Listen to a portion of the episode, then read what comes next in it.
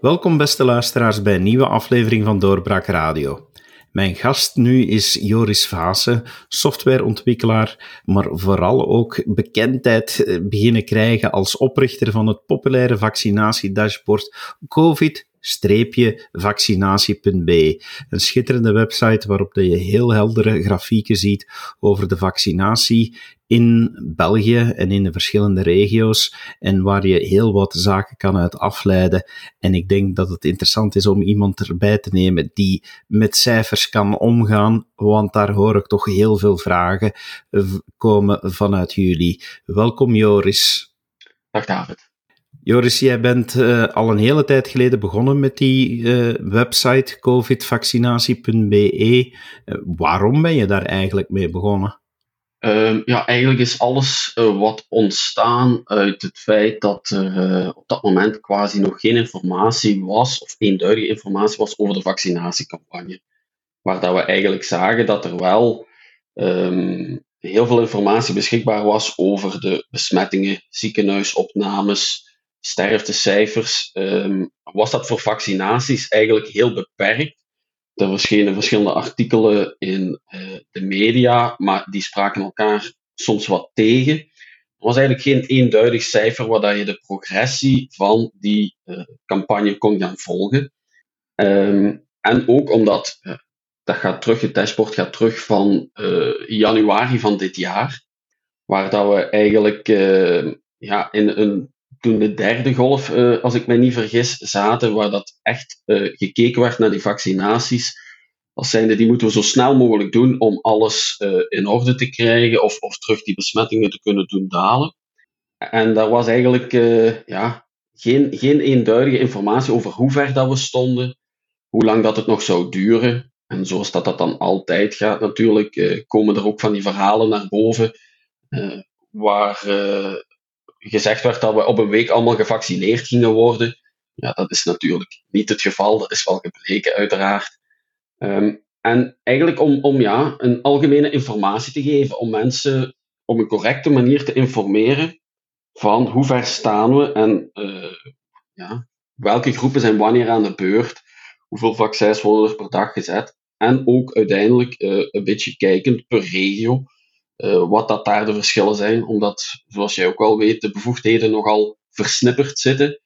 Uh, wat ervoor zorgt dat er een aantal zaken uh, afhankelijk waren van het federale niveau, een aantal zaken geregeld werden door het regionale niveau, en een beetje die wisselwerking daartussen, wat dat, dat allemaal gaf voor alle duidelijkheid, jij richt je met je website echt wel op de vaccinaties. Het is niet dat men op eh, jouw site kan komen kijken hoe het zit met aantal ziektegevallen, aantal ziekenhuisopnames. Die cijfers zitten er niet op, hè? Nee, klopt. Dus um, daar, het was voornamelijk het vacuüm van informatie over de vaccinaties die ik heb, heb ingevuld, omdat natuurlijk de besmettingen en dergelijke cijfers ja, daar waren we ondertussen al, uh, al x aantal maanden mee bezig. Daar bestonden al heel wat platformen en visualisaties voor. Maar voor de vaccinaties was wel degelijk echt een vacuüm waar, waar, uh, ja, waar ik ingedoken ben, blijkbaar. zonder, het, uh, zonder het heel goed te beseffen op dat moment. Ja, want voor alle duidelijkheid, dit doe je als vrijwilliger. Het is niet dat je dit doet in opdracht van de overheid. Nee, nee ik doe dit volledig zelfstandig, uh, volledig vrijwillig, zonder verder één band met organisaties of politiek of iets dergelijks. Dus ik doe dat volledig onafhankelijk en dat is ook wel, uh, daar stond ik ook wel echt op. Dat vind ik zelf ook heel belangrijk. Uh, want we werken natuurlijk met, met data die we krijgen van de overheid, maar daar komen we zelfs waarschijnlijk nog wel toe. Maar het gaat ook een deel over het werken met die data, het visualiseren. Hoe visualiseer je dat? Wat geef je weer? En, en ja, je moet er altijd keuzes in maken, uh, wat dat je kan tonen, wat je doet met die data. En dat kon ik volledig onafhankelijk doen. Dus ik zat uh, niet vast aan bepaalde uh, politieke of organisaties, waartoe cijfer X interessanter was dan cijfer Y. Ik kon ze gewoon alle twee geven. Dat vond ik heel belangrijk en dat heb ik ook gemerkt dat dat voor de bezoekers uh, van het dashboard ook heel belangrijk is gebleken. Dat dat onafhankelijk uh, en kleurloos, uh, in de mate van politieke kleurloos, ehm, kon gebeuren. Je haalde het net al aan. Je moet natuurlijk data hebben om grafieken te kunnen maken. Waar haal jij de data vandaan? Ja, dus het is eigenlijk een combinatie van een aantal datasets. Um, het aantal toegediende vaccinaties, die data komt van Cienzano. Dus uh, die op hun beurt de data van de deelstaten krijgen waar dat de vaccinaties geregistreerd worden in Vaccinet Plus. Dus dat zijn de officieel geregistreerde vaccinaties. En voor de uh, geleverde vaccins, dus voor het aantal geleverde dosissen, doe ik eigenlijk beroep op data van de Taskforce Vaccinatie, die uh, in de begindagen daar zeer beperkte info over gaf, waardoor ik toen nog echt elke website of elke uh, nieuwsmedium moest afschuimen om wat cijfers te vinden over de leveringen. Dat is dan uiteindelijk wel gelukkig in een iets gestructureerder formaat terechtgekomen. Dus eigenlijk een combinatie van die gegevens zorgt er eigenlijk voor dat je een stukje status van de vaccinatiecampagne kan geven, maar ook een stukje performantie van die vaccinatiecampagne kan, kan tonen. Je site is snel populair geworden. Er, uh, ik heb cijfers er zien verschijnen over aantal bezoekers per dag en per maand. Die lagen toch wel vrij hoog, vond ik. Ja, en dat is ook wat ik naderhand beseft heb, dat ik daar echt in een vacuüm terecht kwam, dat iedereen op zoek was naar die informatie, maar dat die nog nergens gestructureerd beschikbaar was. Dus dat zorgde ervoor, mede ook doordat het opgepikt werd door uh, door media en verscheen het uh, op, op nieuwssites of werden de gegevens gebruikt bij ter zake of de afspraak. Ja, dat, uh, dat geeft natuurlijk bekendheid. Maar dat was, ja, op, op een bepaald moment zaten wij tegen de 100.000 bezoekers per dag. Waarmee eigenlijk alleen maar mijn, mijn idee bevestigd werd van er is nood aan die informatie, een gestructureerde manier uh, om die te brengen en, en op een duidelijke manier te visualiseren, zodat mensen die progressie gewoon kunnen volgen. Uh, zonder dat dat, ja, nogmaals, in volledige onafhankelijkheid kan gebeuren. We zijn nu zoveel maanden later. Is dat vacuüm er nog steeds? Is, het nog altijd zo dat jouw site de beste plek is om deze cijfers en deze grafieken te gaan bekijken? Of heeft de overheid inmiddels zelf initiatief genomen? Ja, ik vind natuurlijk van wel dat dat nog altijd de beste plaats is. En, en ik uh, ontwikkel daar ook nog altijd aan door. Uh, want ja, er verandert nog steeds van alles. Zoals dat we nu met de, de derde prik of de boosterprik uh, zitten. En, en het is toch maar net dat dat nu ook bevestigd is dat dat waarschijnlijk ook nog eens voor de hele bevolking gaat plaatsvinden. Dus er, er zijn steeds nieuwe inzichten die afhankelijk van de situatie um, belangrijk zijn. Um, in het begin was het voornamelijk de performantie die heel belangrijk was. En die ga je nergens anders gevonden hebben dan bij mij. Omdat ik de enige was die de combinatie maakte van de geleverde, wat um, informatie was die bij de Taskforce vaccinatie zat, en de toegediende uh, vaccins, uh, wat informatie was dat bij Cienzano uh, zat. Um, dus je hoeft van Cienzano op dat moment volgens mij ook niet te verwachten dat zij zelf die performantie daar gaan afmeten. Je krijgt dan toch lichtelijk het verwijt dat je en, de uh, en de handelingen stelt en de performantie afmeet, dat je dat bij jezelf doet, dat dat weinig betrouwbaar is. Dus nogmaals, daar was het heel belangrijk dat een onafhankelijke bron of een onafhankelijk iemand dat kon doen. En echt in de begindagen, want het dashboard is online van, als ik me niet vergis, 7 januari. Toen was er zelfs nog geen dashboard van Cienzano. Toen was er uh, nog geen gestructureerde data van de taskforce vaccinatie.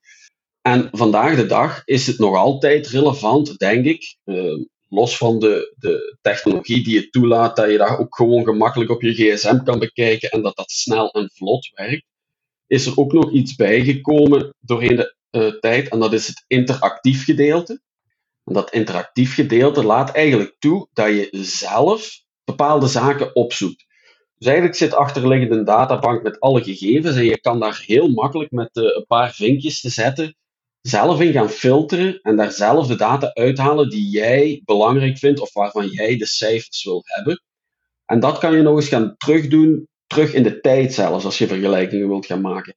Dus daarmee geef je eigenlijk, uh, vond ik heel belangrijk, los van het feit van de visualisaties die ik maak en die op de dashboard zichtbaar zijn, kan je eigenlijk voor jezelf bepalen wat je belangrijk vindt of wat dat je wil opzoeken en die gegevens er eenvoudig bij halen. Uh, en dat geeft eigenlijk de mogelijkheid dat je ook niet langer afhankelijk bent van wat ik visualiseer of van wat ik belangrijk vind dat op dat dashboard staat, maar dat je gewoon zelf bepaalt wat je belangrijk vindt en welke data je opzoekt. Ik vind het beren interessant om, om inderdaad, zoals je zegt, met die data aan de slag te kunnen. Ik, ik ben dan misschien ook wel een beetje nerdish aangelegd om, om dieper te gaan kijken in die zaken en zo. Een aantal dingen die mij opvallen als ik, als ik nu ik ga kijken naar de interpretatie, want daar gaat het vaak over wanneer er over zulke cijfers wordt bericht. Dat is hoe dat je dat omzet in woorden en hoe dat je dat moet interpreteren. Maar vanaf 1 augustus zie je toch echt wel dat de exponentiële groei in aantal toegediende dosissen, dat die van exponentieel veranderd is naar ja, lineair min of meer. Er zit nog wel een groei in, maar daar zit toch wel een heel duidelijke knik in. Klopt. En denk je dat uh, dat. dat, dat uh, want want uh, heel raar is dan ook, en, en dat moet ik wel zeggen, dat, dat heb ik geleerd dankzij jouw site. Dat is dat je dan ziet dat het aantal geleverde dosissen, dat dat nog wel een heel stuk doorgegaan is, met dan wel blijkbaar een stopzetting voor een stukje in de maand oktober. Maar de voorraad is daardoor wel enorm aangegroeid. Op dit moment kunnen we zeggen dat er hoeveel dosissen beschikbaar zijn? Op dit moment zijn er 5 miljoen uh, dosissen beschikbaar. Uh, nu, er is een verschil tussen beschikbaar uh, en, en ja, ik zeg altijd, hè, die zijn in voorraad, maar die zijn daarom niet ongebruikt. Want natuurlijk, zoals dat altijd is, daar wordt ingepland. Er zijn nu 65-plussers die een afspraak krijgen voor een derde prik achter x aantal weken. Uh, dus allee, dat is niet dat dat volledig ongebruikte stok is. Daar was in het begin nog wel wat uh, verwarring rond dat cijfer. Uh, maar wij hebben op dit moment effectief 5 miljoen dosissen in voorraad zitten. Nu, als we iedereen een boosterprik willen geven, gaan we dat ook nodig hebben. en het plateau, om daar even op terug te komen van het aantal geleverde dosissen, Um, daar moet je wel opletten, omdat wij op een bepaald moment wel nog leveringen kregen van AstraZeneca, maar dat die gedoneerd werden aan, het, uh, uh, aan COVAX, uh, die, die dat op hun beurt terug gaan verdelen eh, aan, aan, aan andere landen waar dat er eh, nog te weinig vaccins zijn.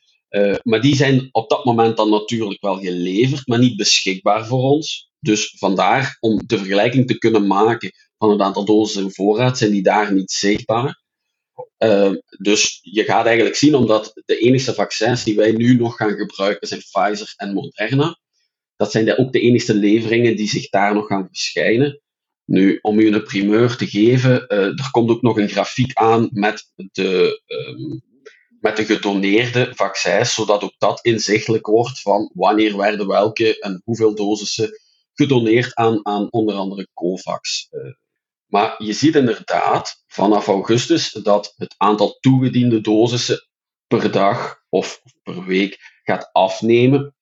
En op dat moment heeft, heeft de, de vaccinatiecampagne uh, zijn, zijn piek bereikt. Hè. Dus dan zat je op dat moment alles boven de uh, uh, 18 jaar was ongeveer aan de beurt geweest, toch al voor de eerste prik. Um, en dan is dat natuurlijk verder nog, nog um, verlaagt die uh, minimumleeftijd naar de 12-plussers. Dan zie je dat je weer een kleine, een, een kleine knik krijgt waar dat, dat terugstijgt uh, vanaf het moment dat de 12-plussers uh, eh, ook aan de beurt waren. Je blijft ook wel met de verschillen zitten tussen de regio's. We hebben het al vaker gehoord, maar nu, nu bij jou zie ik heel duidelijk de cijfers. 80% volledig gevaccineerd in Vlaanderen. Ehm, in Wallonië net geen 70%. Brussel geen 56 procent. Uh, en de Oostkantons, ook bijzonder dat die bij jou wel een, een aparte plaats krijgen, die gaan toch dan weer naar de 65 procent. Daarin zie je dan toch dat er toch nog altijd behoorlijk wat, uh, wat verschillen bestaan. Hè? Dat, is, dat is geen verkeerde interpretatie. Hè? Nee, dat is geen verkeerde interpretatie, absoluut niet. Die verschillen zijn er. Die zijn zichtbaar in de cijfers.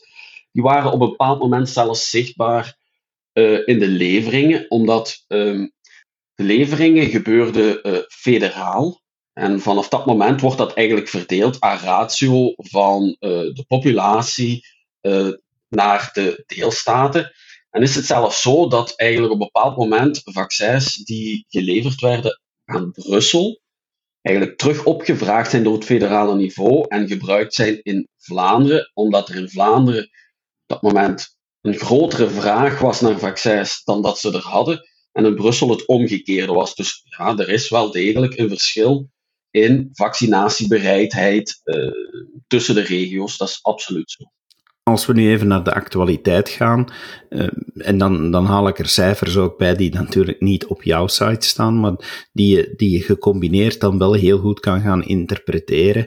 Dat is natuurlijk dat we nu momenteel worden platgeslagen met, met berichtgeving dat de ziekenhuizen terug uh, beginnen vol te liggen. Um, en dan hoor je ook cijfers eh, zeggen van, ja, maar ja, eh, mensen zeggen van, of specialisten, experts zeggen van, het is een golf van de ongevaccineerden, maar cijfermatig eh, stel je dan vast, en je hebt er ook nog over getweet, dat 55% van de mensen op intensive care wel gevaccineerd zijn, en dus maar 45%, een minderheid, niet gevaccineerd. En dan heb je natuurlijk mensen die onmiddellijk gaan reageren van, ja, maar dan is het toch eh, geen golf van ongevaccineerden.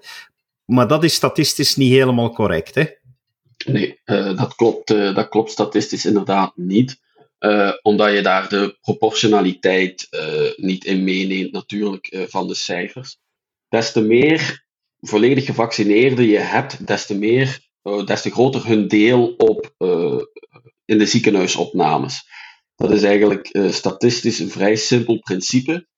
Uh, wat ervoor zorgt dat je procentueel een groter deel uh, volledig gevaccineerden kan hebben in het, in het ziekenhuis. Dat dat niet betekent dat als je volledig gevaccineerd bent, dat je dan meer kans hebt op een ziekenhuisopname. Want ook dat ben ik tegengekomen natuurlijk. Je kan dat zo duidelijk uitleggen als je wil. Er zijn nog mensen die dat dan op die manier opvatten. Um, dus hetgeen de tweet waar je naar verwijst, heb ik proberen uitleggen um, hoe je die cijfers nu eigenlijk moet, moet interpreteren. Uh, Pedro Facco, onze uh, coronacommissaris, um, had uh, inderdaad aangegeven dat 55% van de gehospitaliseerden gevaccineerd, volledig gevaccineerd zijn. Maar dan moet je natuurlijk beseffen dat 45% niet gevaccineerd is, of niet volledig gevaccineerd om correct te zijn.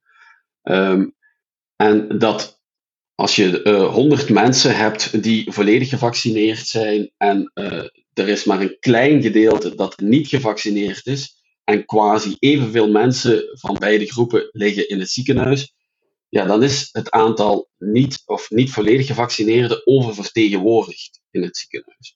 Um, en dat heb ik proberen aangeven met die tweet. Daar is vrij veel uh, reactie op gekomen, is ook weer opgepikt in de media.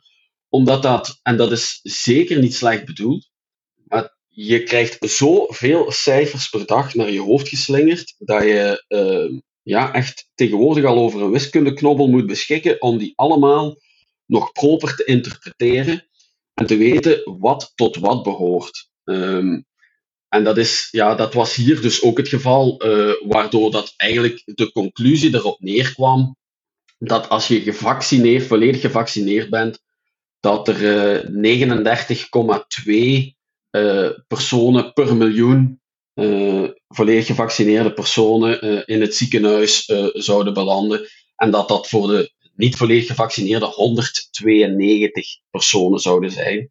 Um, omdat je dan die, in die proportionaliteit meeneemt dat er op dit moment meer dan 8,5 miljoen mensen gevaccineerd zijn. Van de, en, en dan ja, 2, kleine 3 miljoen niet, waarvan dan ook nog een heel deel onder de 12 jaar die nog niet in aanmerking komen uh, voor vaccinatie.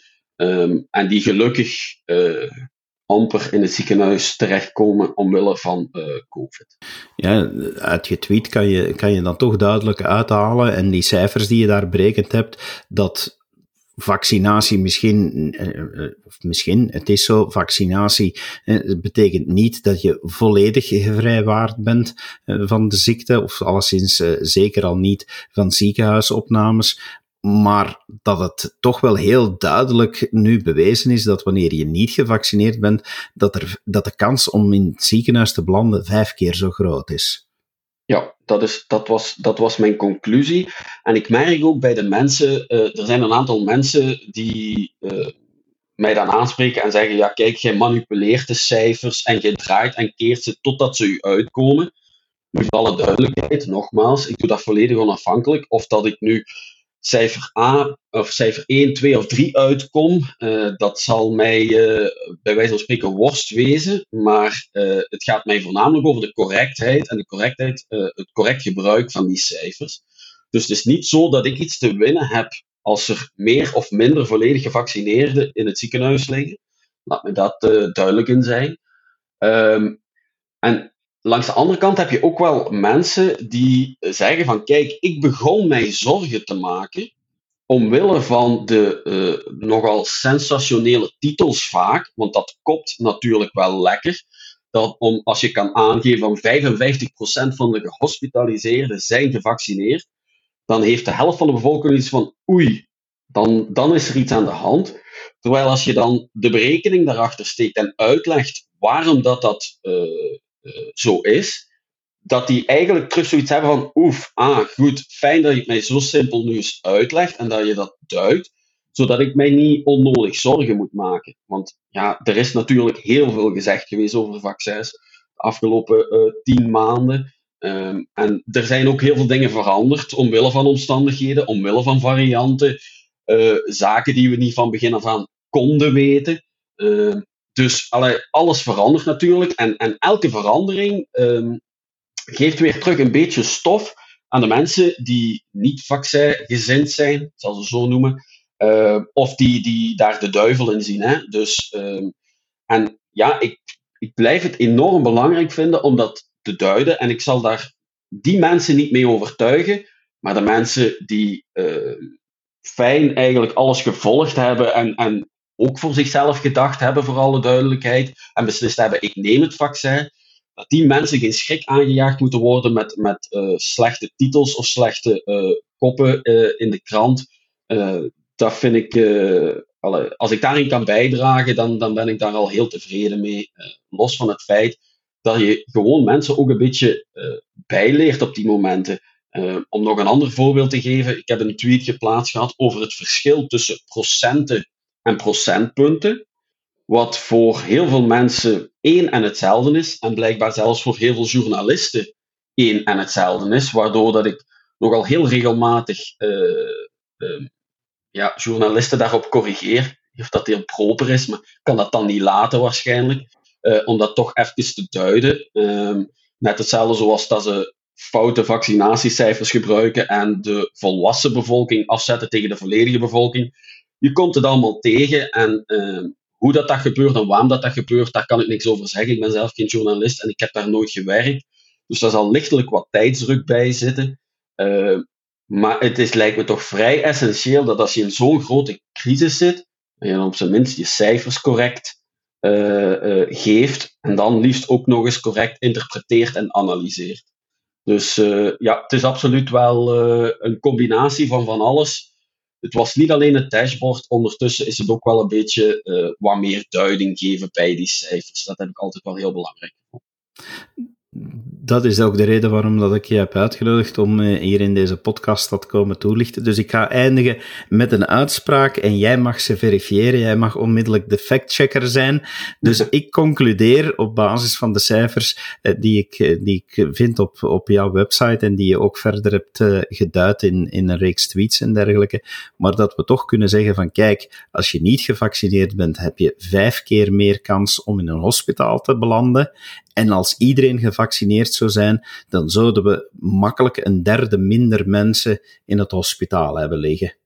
Ja, um, dat is absoluut zo. En, en laat er mij nog aan toevoegen, als 100% van de mensen gevaccineerd zijn, dan zal 100% van de ziekenhuisopnames gevaccineerde personen zijn. En toch is dat geen bewijs dat de vaccins niet werken. Joris, dank je wel dat je dit hebt toegelicht en dank je wel voor al de inzet uh, die je gedaan hebt om covidvaccinatie.be online te zetten en te houden. Want ik denk wel dat daar meer dan een paar uurtjes inmiddels ingekropen zijn. Dat, uh, in het begin heb ik eens geprobeerd, omdat ik denk een van de eerste interviews die ik voor een krant gaf, die vroegen mij hoeveel uur heb je er al aan gewerkt? Toen heb ik eens een inschatting gedaan. Ik zou het nu echt niet meer kunnen zeggen. We zijn tien maanden later. Daar is zoveel in gebeurd. Ik zou al uh, ja, echt in mijn code moeten duiken om te zien wat wanneer allemaal gebeurd is. Uh, dat zijn onnoemelijk veel uren, maar dat, uh, dat is eigenlijk heel graag gedaan en dat is met heel veel plezier.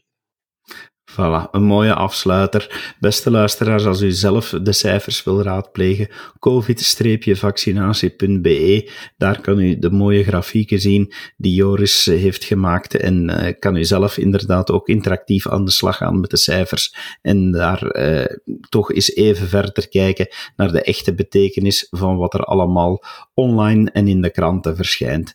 Dankjewel Joris en dankjewel beste luisteraar en heel graag tot een volgende keer. Dit was een episode van Doorbraak Radio, de podcast van doorbraak.be. Volg onze podcast op doorbraak.be/slash radio of via Apple Podcasts, Overcast of Spotify. Bezoek ook onze website op doorbraak.be en steun ons door een vriend te worden van Doorbraak.